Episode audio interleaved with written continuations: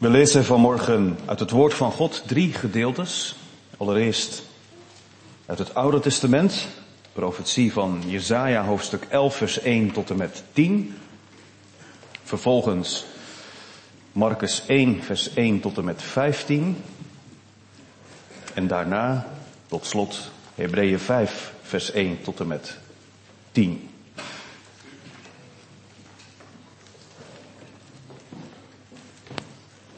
En hoewel ik in de preek, jongens en meisjes, zal proberen uit te leggen wat deze gedeeltes met elkaar te maken hebben, mag je natuurlijk zelf ook al nadenken, hè? Tijdens het lezen van wat zou dit nou met elkaar te maken hebben. Allereerst Jesaja 11, vers 1 tot en met 10. er staat veelzeggend boven de Messias en zijn vrederijk. Want er zal een twijgje opgroeien uit de afgehouwen stronk van Isaïe. En een lood uit zijn wortels zal vrucht voortbrengen. Op hem zal de geest van de Heere rusten. De geest van wijsheid en inzicht. De geest van raad en sterkte. De geest van de kennis en de vrezen des Heeren. Zijn ruiken zal zijn in de vrezen van de Heere. Hij zal niet oordelen naar wat zijn ogen zien hij zal niet vonnissen naar wat zijn oren horen. Hij zal de armen recht doen in gerechtigheid. En de zachtmoedigen van het land zal hij met rechtvaardigheid vonnissen. Maar hij zal de aarde slaan met de roede van zijn mond. En met de adem van zijn lippen zal hij de goddeloze doden. Want gerechtigheid zal de gordel om zijn heupen zijn. En de waarheid de gordel om zijn middel. Een wolf zal bij een lam verblijven.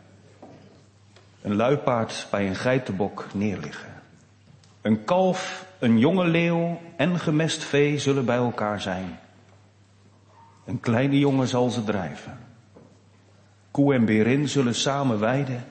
Hun jongen zullen bij elkaar neerliggen. Een leeuw zal stro eten als het trunt. Een zuigeling zal zich vermaken bij het hol van een adder. En in een nest van een gifslang zal een peuter zijn hand steken. Men zal nergens kwaad doen of verderf aanrichten op heel mijn heilige berg, want de aarde zal vol zijn van de kennis van de Heere, zoals het water de bodem van de zee bedekt. Want op die dag zal de wortel van Isaïe zijn. Die zal staan als banier voor de volken. Naar hem zullen de heidenvolken vragen. Zijn rustplaats zal heerlijk zijn. Ik denk, en ik hoop dat het er meer zijn dan een paar, maar ik weet zeker dat er een paar zijn die graag hadden doorgelezen. Maar we moeten ons ook gezien de andere gedeeltes die we lezen even wat beperken. Daarom gaan we verder met Marcus 1, vers 1 tot en met 15. Het gedeelte dat vanmorgen vooral centraal zal staan. Marcus 1, vers 1 tot en met 15. Het begin van het evangelie van Jezus Christus, de Zoon van God. Het is zoals er geschreven staat in de profeten, zie ik zend mijn engel voor uw aangezicht, die voor u uit uw weg gereed zal maken. En de stem van een die roept in de woestijn, Maak de weg van de Heere gereed, maak zijn paden recht. Johannes kwam in de woestijn en doopte en predikte een doop van bekering tot vergeving van zonden. En heel het Judese land en de inwoners van Jeruzalem liepen naar hem uit. En zij werden, door allen, zij werden allen door hem gedoopt in de rivier de Jordaan, terwijl zij hun zonden beleden. En Johannes was gekleed in kamelenhaar en had een leren gordel om zijn middel. En hij at sprinkhanen en wilde honing. En hij predikte en zei, na mij komt hij die sterker is dan ik, bij wie ik het niet waard ben neer te bukken en de riem van zijn sandalen los te maken. Ik heb u wel gedoopt met water, maar hij zal u dopen met de Heilige Geest. En het gebeurde in die dagen dat Jezus kwam van Nazareth in Galilea en door Johannes werd gedoopt in de Jordaan en meteen toen hij uit het water opkwam, zag hij de hemelen scheuren en de geest als een duif op zich neerdalen. En er kwam een stem uit de hemelen. U bent mijn geliefde zoon, in wie ik mijn welbehagen heb. En meteen dreef de geest hem uit de woestijn in. En hij was daar in de woestijn veertig dagen en werd verzocht door de Satan. En hij was bij de wilde dieren en de engelen dienden hem. En nadat Johannes overgeleverd was, ging Jezus naar Galilea en predikte het evangelie van het koninkrijk van God. En hij zei, de tijd is vervuld en het koninkrijk van God is nabijgekomen. Bekeer u en geloof het evangelie. Tot zover dit gedeelte. En dan tot slot Hebreeën 5, vers 1 tot en met 10.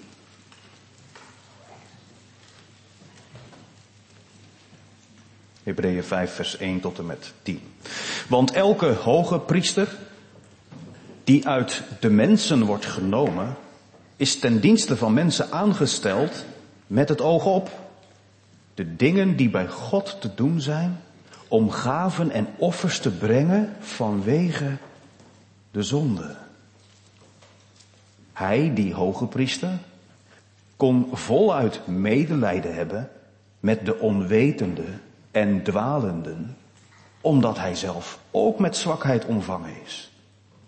En daarom moet hij, evenals voor het volk, ook voor zichzelf offeren vanwege de zonde. En niemand neemt die eer voor zichzelf, maar men wordt er door God toegeroepen, zoals Aaron. Zo heeft ook Christus zichzelf niet de eer gegeven om hoge priester te worden, maar hij die tot hem heeft gesproken, u bent mijn zoon, heden heb ik u verwekt, zoals hij ook op een andere plaats zegt, u bent priester in eeuwigheid naar de ordening van Melchizedek. In de dagen dat hij op aarde was, heeft hij, de Heer Jezus, met luid geroep en onder tranen gebeden en smeekbeden geofferd aan hem, die hem uit de dood kon verlossen. En hij is uit de angst verhoord hoewel hij de zoon was, heeft hij toch gehoorzaamheid geleerd uit wat hij heeft geleden. En toen hij volmaakt was geworden, is hij voor allen die hem gehoorzamen een oorzaak van eeuwige zaligheid, van eeuwige redding geworden. Door God is hij hoge priester genoemd naar de ordening van Melchizedek. Tot zover de lezing uit het woord. Ik wil met u en jou vanmorgen stilstaan bij de versen 12 en 13 van Marcus 1.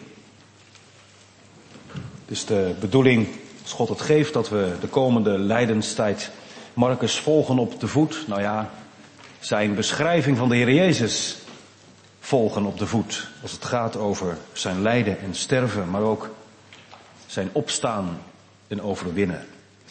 Marcus 1, vers 12 en 13, laten we die samen nog een keer lezen. En meteen dreef de geest hem uit, de woestijn in. En hij was daar in de woestijn veertig dagen en werd verzocht door de Satan. En hij was bij de wilde dieren en de engelen dienden hem. Het thema voor de verkondiging is Jezus in de woestijn. Jezus in de woestijn. En we letten op drie dingen. Allereerst dat hij wordt verstoten. Staan we vooral stil bij vers 12. Vervolgens dat hij wordt verzocht. En tenslotte dat hij wordt vergezeld. Dat betekent dat er iemand bij hem is. Dieren en de engelen. Dat is vers 13. Verstoten. Vers 12 verzocht en vergezeld, vers 13. Geliefde gemeente, jongens en meisjes, het is vandaag de eerste Leidenszondag. En de komende zondagen staan we stil, en ook deze dag, bij wat het heeft teweeggebracht. Dat Jezus zo moest lijden. Dus niet alleen maar dat het is gebeurd, maar ook wat de reden is natuurlijk. Dat hij zo moest lijden. Dat hij zelfs moest sterven. Ik kan me voorstellen, als je dat woordje hoort, sterven, of het woordje lijden. Weet jullie wat dat betekent, lijden? Dat je pijn hebt, dat je moeite meemaakt. Dat je dan denkt, niet aan het eerste hoofdstuk van het evangelie dat gaat over de Heer Jezus, hè, net zoals juf Elise in de video heeft duidelijk gemaakt. Maar dat je denkt, waarom beginnen we dan niet verderop in het evangelie? Aan het begin valt het allemaal toch nog wel. Nee, het lijden en het sterven van de Heer Jezus, dan denk je aan de hof van Gethsemane, denk ik, hè? Waar de Heer Jezus tegen de grond ligt en, en vraagt, o Vader, laat die drinkbeker aan mij voorbij gaan. Als het toch mogelijk is, maar niet mijn wil, uw wil geschieden. Je denkt aan hoe hij je denkt eraan hoe hij de spijkers door zijn handen kreeg. Maar hier, wat we samen hebben gelezen in het eerste hoofdstuk, dat is toch allemaal nog wel heel mooi en heel veelbelovend, toch? Laten we eens luisteren of dat klopt. Laat ik maar een beetje verklappen aan het begin van de preek. Dat je ook op de eerste bladzijde van het evangelie van Marcus al een beetje ziet dat Jezus hier lijdt.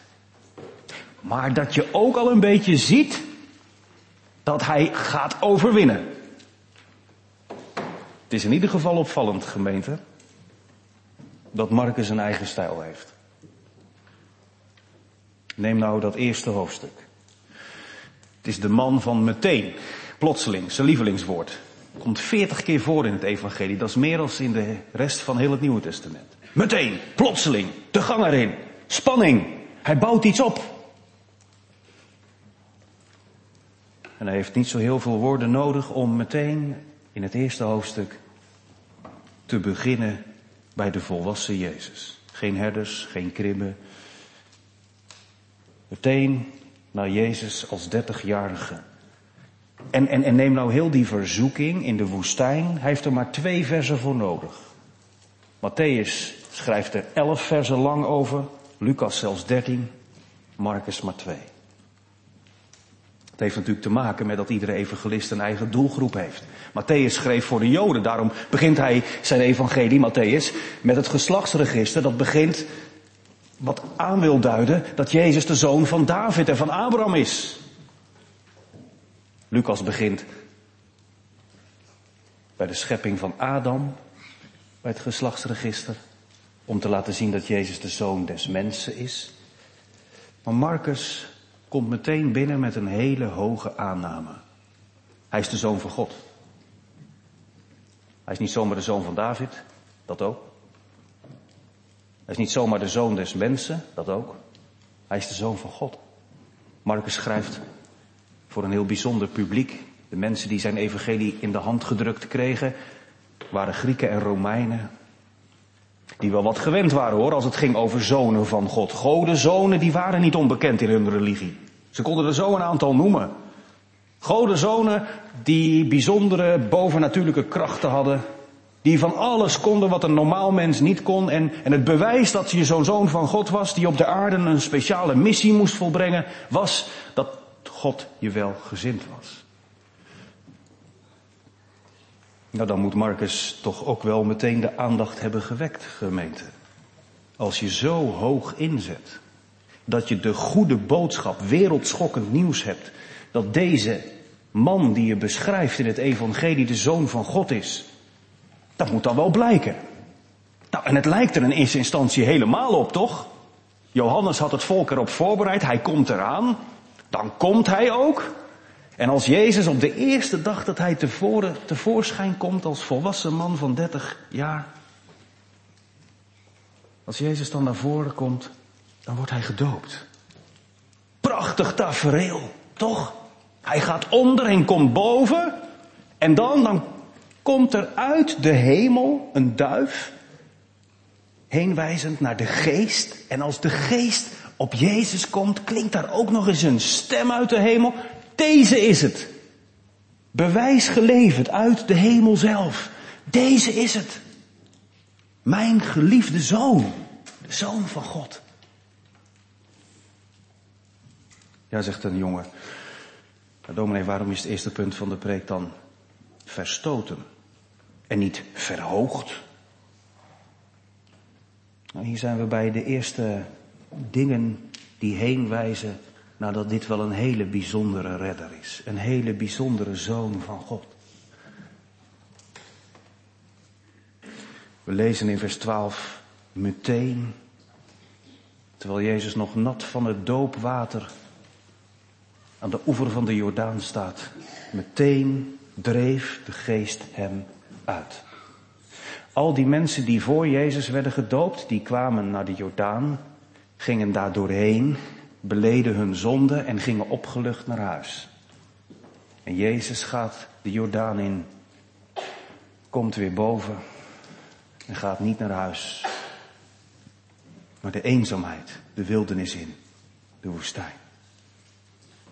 En mocht er al iemand zich vertillen aan het woordje uitdrijven en denken dat de Heilige Geest hem met eerbied gesproken bij de hand heeft genomen en heel waardig op een rustige wijze de woestijn in heeft geleid als een gids. Kijkt u eens hier en kijkt u eens daar. Wat een prachtige vergezichten. Nee, het Griekse woord dat Marcus gebruikt wordt doorgaans gebruikt om een boze geest eruit te werpen.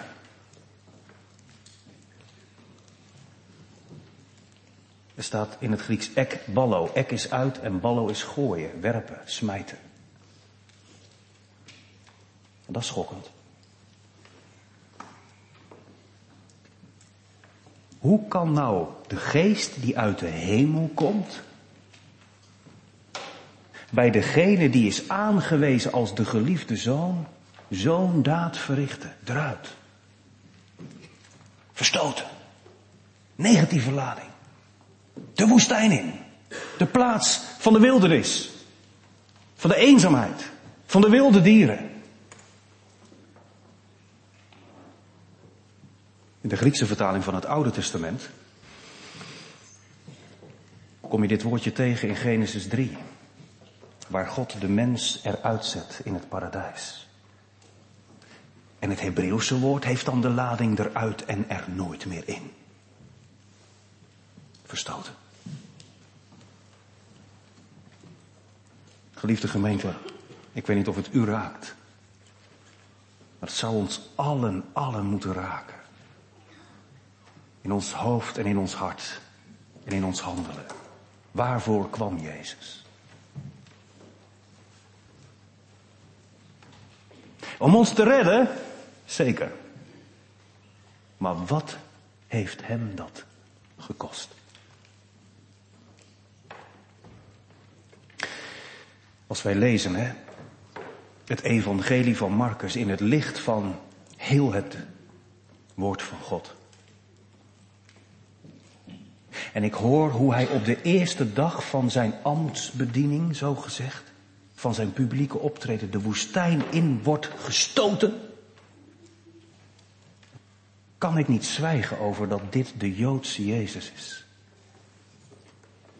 De Messias die allereerst aan Israël is beloofd. Op wie de geest des Heren zou rusten.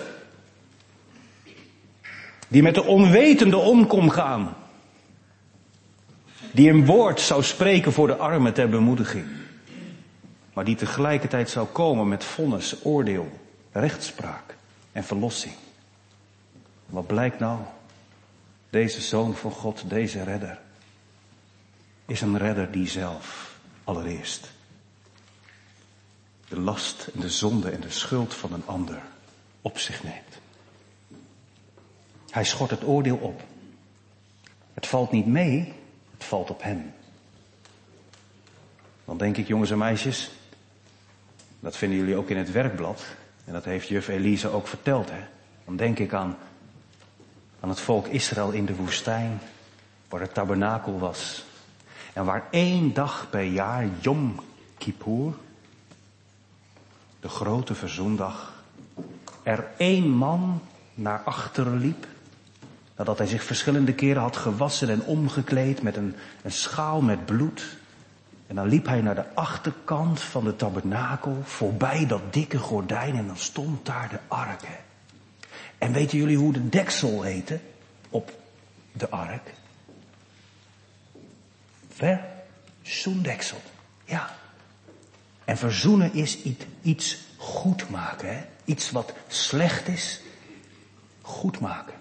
Iets wat wit is, of wat zwart is, wit maken. Verschonen, verzoenen. En dan druppelde de hoge priester dat bloed op de ark, op dat verzoendeksel. En dan ging hij weer terug. En dan zegende hij het volk. En dan wisten al die mensen die daar buiten moesten wachten. Al die zonden van ons zijn verzoend, zijn weggewassen door het bloed van Jezus. We kunnen weer omhoog kijken naar Yahweh, naar onze God, naar onze Vader, naar onze Schepper. Er is vrede met Hem. Het is weer goed.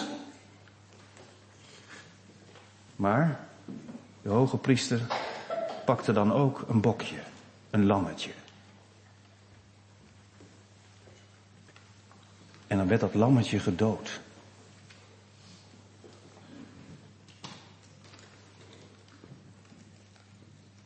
Het was het bloed van een ander. Het bloed van een onschuldige die verzoening zou bewerken. Dat is toch niet eerlijk? Dat is Gods rechtvaardigheid, gemeente.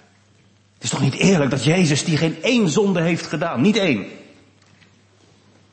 Hier al op de eerste dag dat hij naar voren stapt eruit wordt gezet in plaats van een ander. Het is toch niet eerlijk dat al die onschuldige lammetjes, dat is Gods rechtvaardigheid, gemeente. En als er dan dat ene lam geslacht werd, was er die andere bok en de hoge priester die, terwijl de volk dat allemaal kon zien, die, die legde zijn grote hand op de kop van dat bokje en dat bokje werd een zondebok. Hij, hij legde eigenlijk de zonde van heel dat volk op dat dier.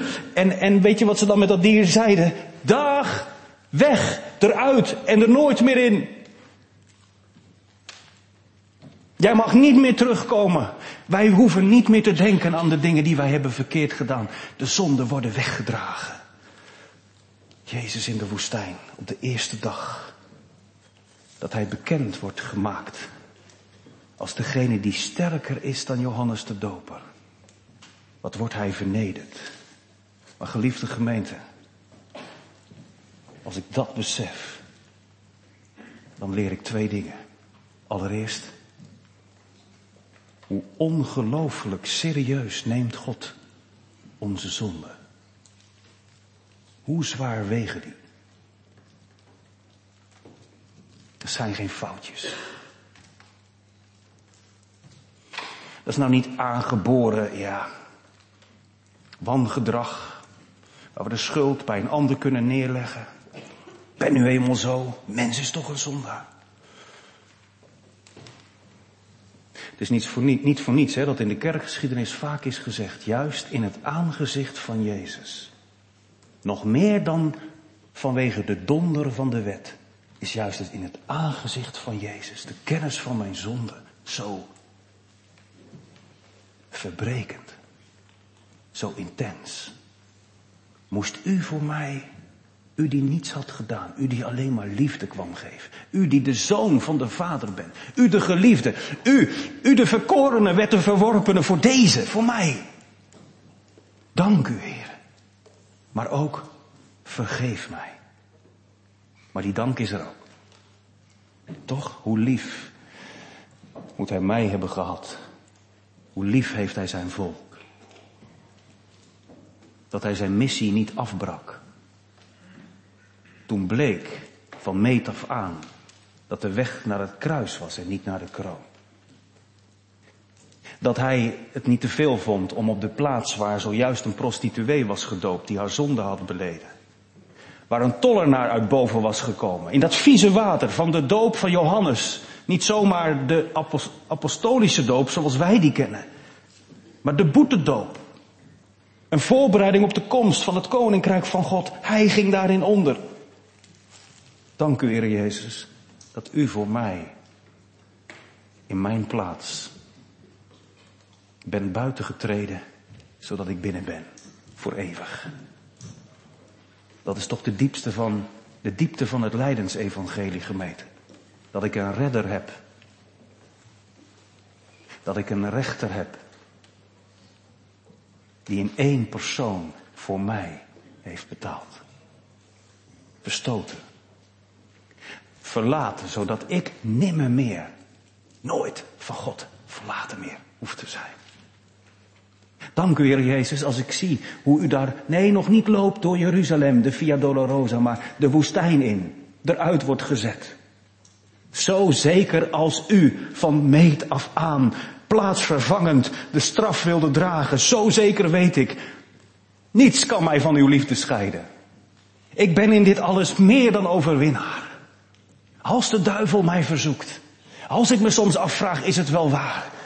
Als ik graag nog meer en meer zou willen, dan weet ik, hier moet ik elke keer weer beginnen. U voor mij en daarom ik voor u.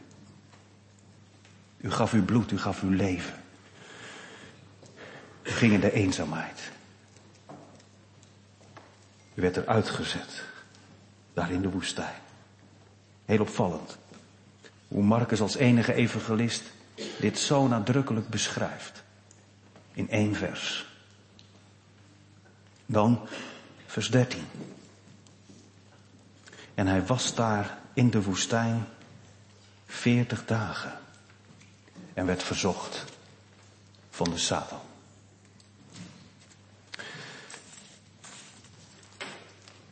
Hoe zien jullie dat, jongens en meisjes? Hoe dat gebeurd moet zijn. Zie je dat voor je? Kijk, bij Matthäus en bij Lucas lezen we hoe de Satan dat dan precies deed. Hè? De Heer Jezus een halve Bijbeltekst geven en dan hopen dat de Heer Jezus voor hem zou knielen. Samengevat, de Satan wilde macht uitoefenen op Jezus en als Jezus één keer zou toegeven, dan zou hij hem in de klem hebben. Zou hij ook tegen anderen kunnen zeggen, ik heb hem overwonnen. Maar hier Marcus laat heel veel weg. En misschien wel juist door de korte bewoordingen wordt het nog intenser. Het zit zelfs zo dicht op elkaar dat je niet moet denken, nou de Heer Jezus is 40 dagen in de woestijn geweest en daar ergens die laatste uren werd hij ook nog verzocht door de Satan. Nee, 40 dagen verzocht zijnde door de Satan. Ik vroeg, hoe zien jullie je dat? Hoe zie je dat voor je? Laatst op categorisatie was er een die zei, ja, als het gaat over dat Jezus mens en God was, dan zou ik als, uh, als kind liever geen verstoppertje doen. Met de Heer Jezus, want ja, die kan je toch overal vinden. Dat is niet eerlijk. Ik dacht, ja, zo is een kind.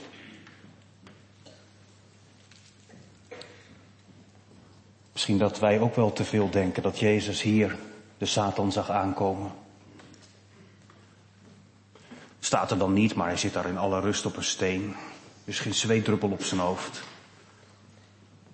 En na veertig dagen, het is een wonderlijk gebeuren. Hij heeft geen honger en geen dorst.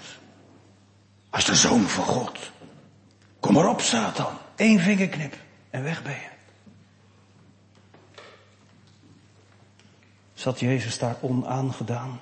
Oh ja, we zien straks, hij is niet alleen. Dat was het derde punt van de preek, hè? Zijn we nog niet.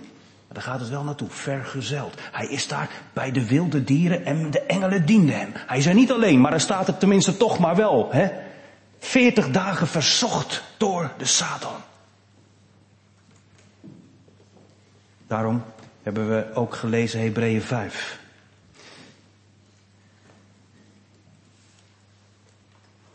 God heeft Jezus aangewezen als de hoge priester. Hij is niet zomaar alleen het lam dat verstoten werd, dat de zonde wegdroeg. Hij is ook de hoge priester. En de hoge priester die het volk begeleidde in de dienst die er was tussen God en hen. Die kon wel snappen dat dat volk soms beefde. Dat het volk het moeilijk had. We hebben dat gelezen. Hij kon zich dat helemaal indenken, omdat hij ook een mens was van vlees en bloed. Zo is dat ook bij Jezus. Gemeente, ik weet niet of u wist dat dat in de Bijbel stond. Hebreeën 5. Maar ik denk dat bij sommige mensen de dogmatiek staat te rammelen. Als wij te veel Gods de godheid van Jezus benadrukken ten koste van dat hij werkelijk mens werd. We lezen in vers 8 van Hebreeën 5, hoewel hij de zoon was, streepje eronder, nadruk op zijn godheid, heeft hij toch gehoorzaamheid geleerd uit wat hij heeft geleden. Hij heeft het moeten leren in dat lijden. Het was niet al een gelopen race met eerbied gesproken. Die verzoeking tot het zonde, tot de zonde, de verzoeking tot het kwade, dat heeft hij volledig meegemaakt. En dan staat er ook nog heel onbevangen, en toen hij volmaakt was geworden, huh? de Heer Jezus was toch volmaakt, van begin tot eind? Ja, hij was zonder zonde. Maar ook voor hem is dat een proces geweest, juist door de verzoekingen heen, om volledig op God te vertrouwen. Om te doen en te beleven en te beleiden wat Jacobus zou schrijven. Acht het voor grote vreugde, mijn broeders, als je in veel verzoekingen valt, weten dat je daar sterker van wordt. Dat de beproeving van je geloof zorgt voor volharding. Dat past toch alleen maar het loflied bij, gemeente.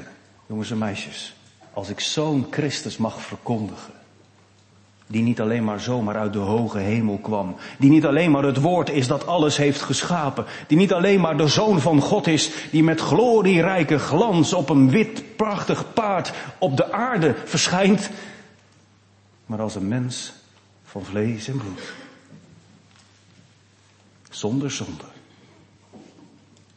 Die wel weet wat het is Als je weer voor de keuze staat. God dienen of buigen voor de Satan. Dat mijn redder een mens werd van vlees en bloed die mij in alles gelijk geworden is. Kolbrugge zegt ergens, wij kunnen Christus niet ver genoeg in het vlees trekken. Dat is een hele abstracte zin, zeker voor de jongens en meisjes. Maar laat ik het dan maar heel eenvoudig zeggen. Wij kunnen niet genoeg benadrukken hoe mens Christus is geworden. En hoe hij ook gestreden heeft tegen de duivel. Dat was een strijd. En het wonder is, geliefde gemeente, daar waar ik zo vaak voor de bijl ga, op mijn neus val, hoe ik het ook probeer. Als ik mezelf overschat en de kracht van de zonde onderschat, dacht dat ik het achter de rug had. Christus is niet gevallen. Hij mag dan de intense verzoeking hebben gevoeld om toe te geven aan het verkeerde. Hij is niet gevallen. Hij niet. En dan is hij niet zoals ik soms richting mijn kinderen helaas kan doen of richting een gemeentelid. Door te zeggen, ach heb je daar zo last van joh, hoe kan dat toch? Ik helemaal niet achter jou gezocht. Dat is toch eigenlijk heel simpel. Je moet gewoon geloven, je moet op de Heeren vertrouwen. Ik snap niet dat jij daar nog last van hebt. Dat de Heer Jezus niet zomaar een draai om de oren geeft, omdat Hij het wel kon en jij niet. Maar dat Hij in de schrift wordt beschreven als een medelijdende hoge priester. Die als een voorspraak, een advocaat bij de Vader is. Vader, hoe de Satan ze ook verzocht heeft. Ik ben er voor ze. Ik heb voor ze gestreden. Ik sta er niet alleen voor. Want Christus, Hij heeft overwonnen. Je ziet hier, als je dat bij elkaar optelt, gemeente, heel die strijd door Oude en Nieuwe Testament verwoord. Zoals Jezus de verzoeking heeft gekend, was er ook de verzoeking bij Mozes. Mozes, moet je nou met zo'n volk de oorlog winnen? God moet u nou met zo'n volk, dat toch best een beetje meer gehoorzaam had kunnen zijn, naar het beloofde land. Hoe vaak is de woestijn niet een voorbereidingsperiode op iets mooiers, op het beloofde land? Het is geen makkelijke tijd, maar dat daar dan ineens een oase verschijnt. Een regenboog. Juist als die vragen er zijn. Hadden we niet beter in Egypte kunnen blijven? Die wordt toch nooit wat? Kun je niet beter doodgaan, Elia? Ga maar liggen onder die boom. Het is over. Nee, opstaan en weer doorgaan. Wij zijn hier nog niet thuis. En God is nog niet klaar. En zo gidst ook Christus door zijn geest. Al degenen die in hem geloven. Ook in 2022. In tijden waar oorlogen losbarsten. Waar een pandemie verscheen. De kerk naar huis. Dank u heren dat ik het van u mag leren. Dat u die mens werd overwonnen hebt in de verzoeking. Want dat heeft hij. Is niet voor niets hè, dat het zo kort en krachtig staat. 40 dagen. 40 dagen verzocht door de Satan. Maar niet één moment is er geweest voor de Satan waar hij naar terug kan verwijzen. En daar, daar brak hij. Nee, ongebroken. Later, later brak Jezus. Toen niet de Satan hem verzocht, maar de Vader hem de hand reikte. Een gevulde hand met een beker vol van zijn toren. Toen kroop Jezus verbaasd over de grond in Gethsemane. We zullen dat nog gaan horen, Marcus 14. Toen heeft hij de lessen die hij hier in de woestijn geleerd heeft in de praktijk mogen brengen. Vasthouden, volhouden. Vader, wat u doet is altijd goed. Maar als het mogelijk is, is het niet mogelijk. Dan zal ik volhouden. Later als Jezus uit die hof tevoorschijn komt, zegt hij tegen zijn discipelen, waakt en bid, zodat jullie niet in verzoeking komen. Niet vergeten, het komt niet vanzelf goed. We moeten waakzaam zijn. Ook als de duivel onze zwakke plekken weet. Niet alleen maar een beroep doen op, heren, ik vraag er toch maar heel veel om, wilt u het voor mij doen en zelf de ogen dicht houden?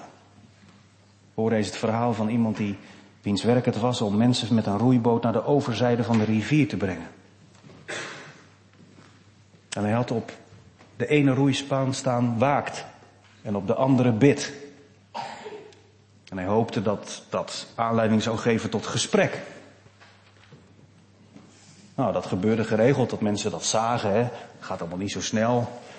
De ene keer kwam waakt boven, de andere keer kwam bid boven. En dat mensen vroegen waarom. Toen zei hij nou, daarbij word ik elke dag herinnerd aan het feit dat ik het beide moet doen. Tegelijkertijd. Anders draai ik rondjes en komen jullie nooit aan de overkant. He? Als je alleen maar bidt, ga je draaien met één roeispaan. Dat weet iedereen. Wel eens gekanoot? Als je dan met z'n tweeën erin zit en de ene doet links voor en de andere rechts, maar als je alleen maar rechts achter en, en degene die voor niks doet, nou dat waren niet altijd fijne uitjes dan. Maar nu? Als deze man, beide jongens en meisjes, waken en bidden, waken en bidden, dan kom je naar de overkant. Het klinkt goed hè, als we zeggen, we moeten waakzaam zijn. We moeten de duivel onderkennen. We moeten er tegen strijden. Kom maar op. Maar niet zonder afhankelijkheid. Niet zonder afhankelijkheid aan de Heer. O God, leid mij niet in verzoeking. Dat liet uw zoon ons toch ook wel degelijk bidden. Zodat ik mezelf niet zou overschatten. En tegelijkertijd ook niet, ach, we zijn tot niks in staat en we moeten het maar afwachten en we bidden er maar om en ach, nee. Ook waakzaam. Zoals Christus met het woord de duivel bestreed. En dan het slot. We zien het, hè? Hoe hij overwint. Hoe de lijdenstijd niet alleen maar ach en wee is. Niet alleen maar tonen van erbarm u, o God. Niet alleen maar tranen vanwege wat hij moest lijden. Maar ook de blijde tonen van overwinning. Hij was daar bij de wilde dieren en de engelen dienden hem. Je moet het goed zien. En niet te snel lezen, want Marcus heeft heel veel, heel weinig woorden ervoor nodig. Maar hier zie je de contouren van een vrederij.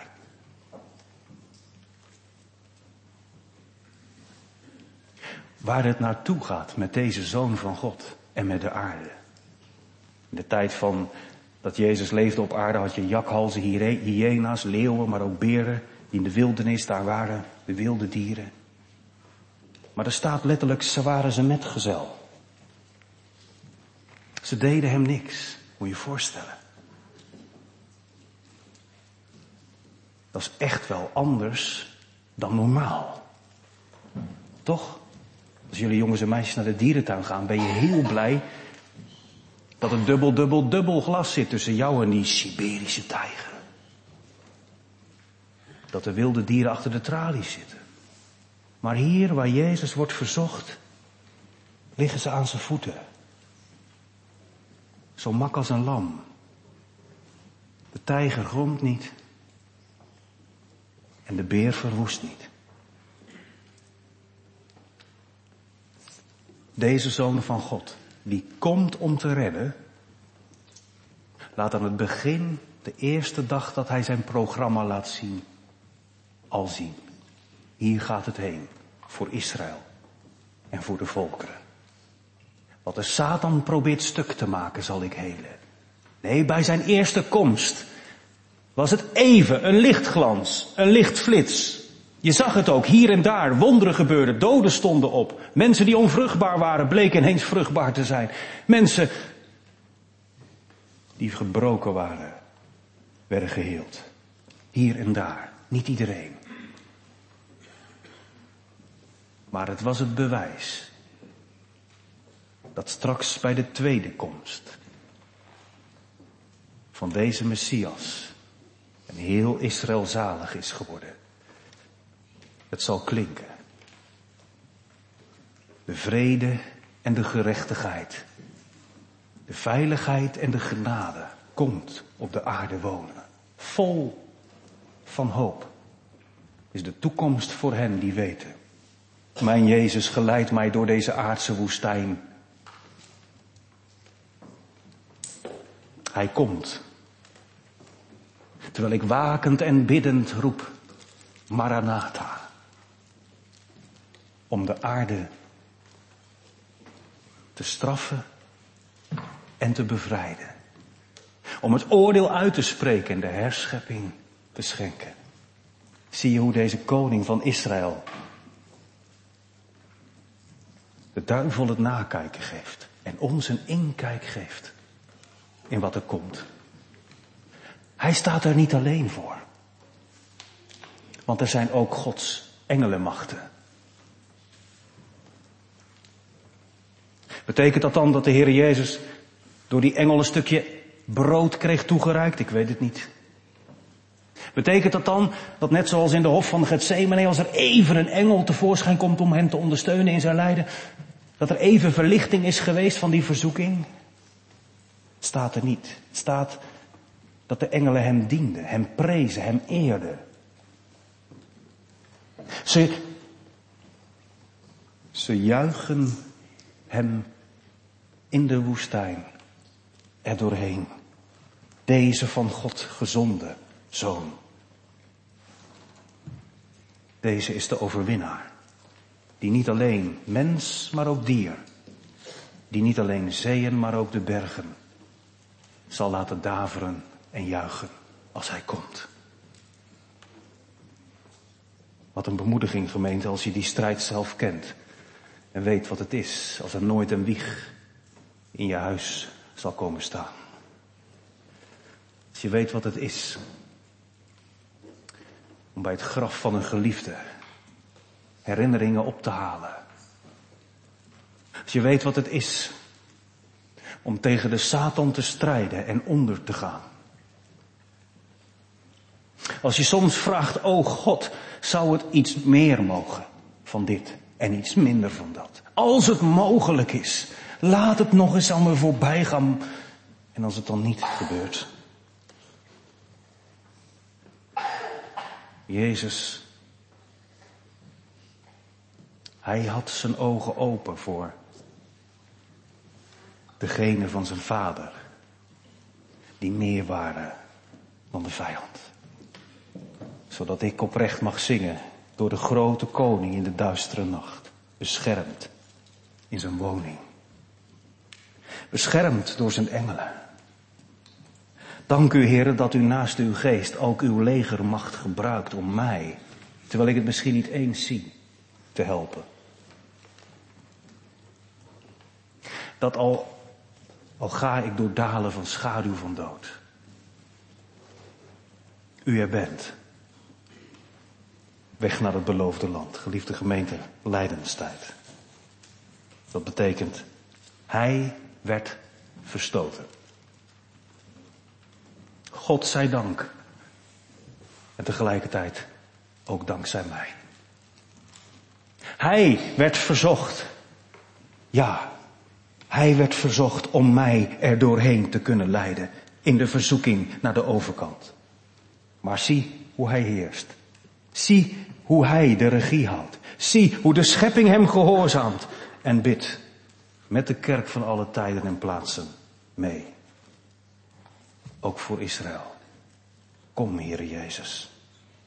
Wat moet dat zijn als ik straks daar mag staan? Bij de leeuw en het lam met alle heiligen. En dat loflied wordt aangeheven waarin de engelen niet meer mooier zingen dan mensen. Dat er niemand meer een snik in zijn stem hoeft te hebben als er gezongen wordt. Lof zij het lam. Maar dan, dan zullen de engelenkoren zwijgen. Die kunnen wel zingen lof zij het lam met alle mensen mee, maar werkelijk alleen. De mensen zingen door die onze zonde op zich nam. Halleluja. Amen. Ter voorbereiding op de verkondiging gaan we met elkaar zingen. Nu Psalm 17. Psalm 17 waarin gesproken wordt over de navolging van Jezus Christus. Als ik dat even zo mag zeggen, Nieuw Testamentisch. Ik zet mijn treden in uw spoor. Dat is natuurlijk allereerst in het spoor van Gods geboden, zoals hij zich bekend maakt aan Israël. Maar we mogen het ook zingen, juist met de Heer Jezus in onze gedachten. Opdat mijn voet niet uit zou glijden. Wil mij voor struikelen bevrijden. Ook het vierde, maak uw weldaden wonderbaar. U die uw kinderen wilt behoeden. En het achtste, toch? Maar blij vooruitzicht dat mij streelt. Ik zal ontwaakt uw lof ontvouwen. 3, 4 en 8 van Psalm 17.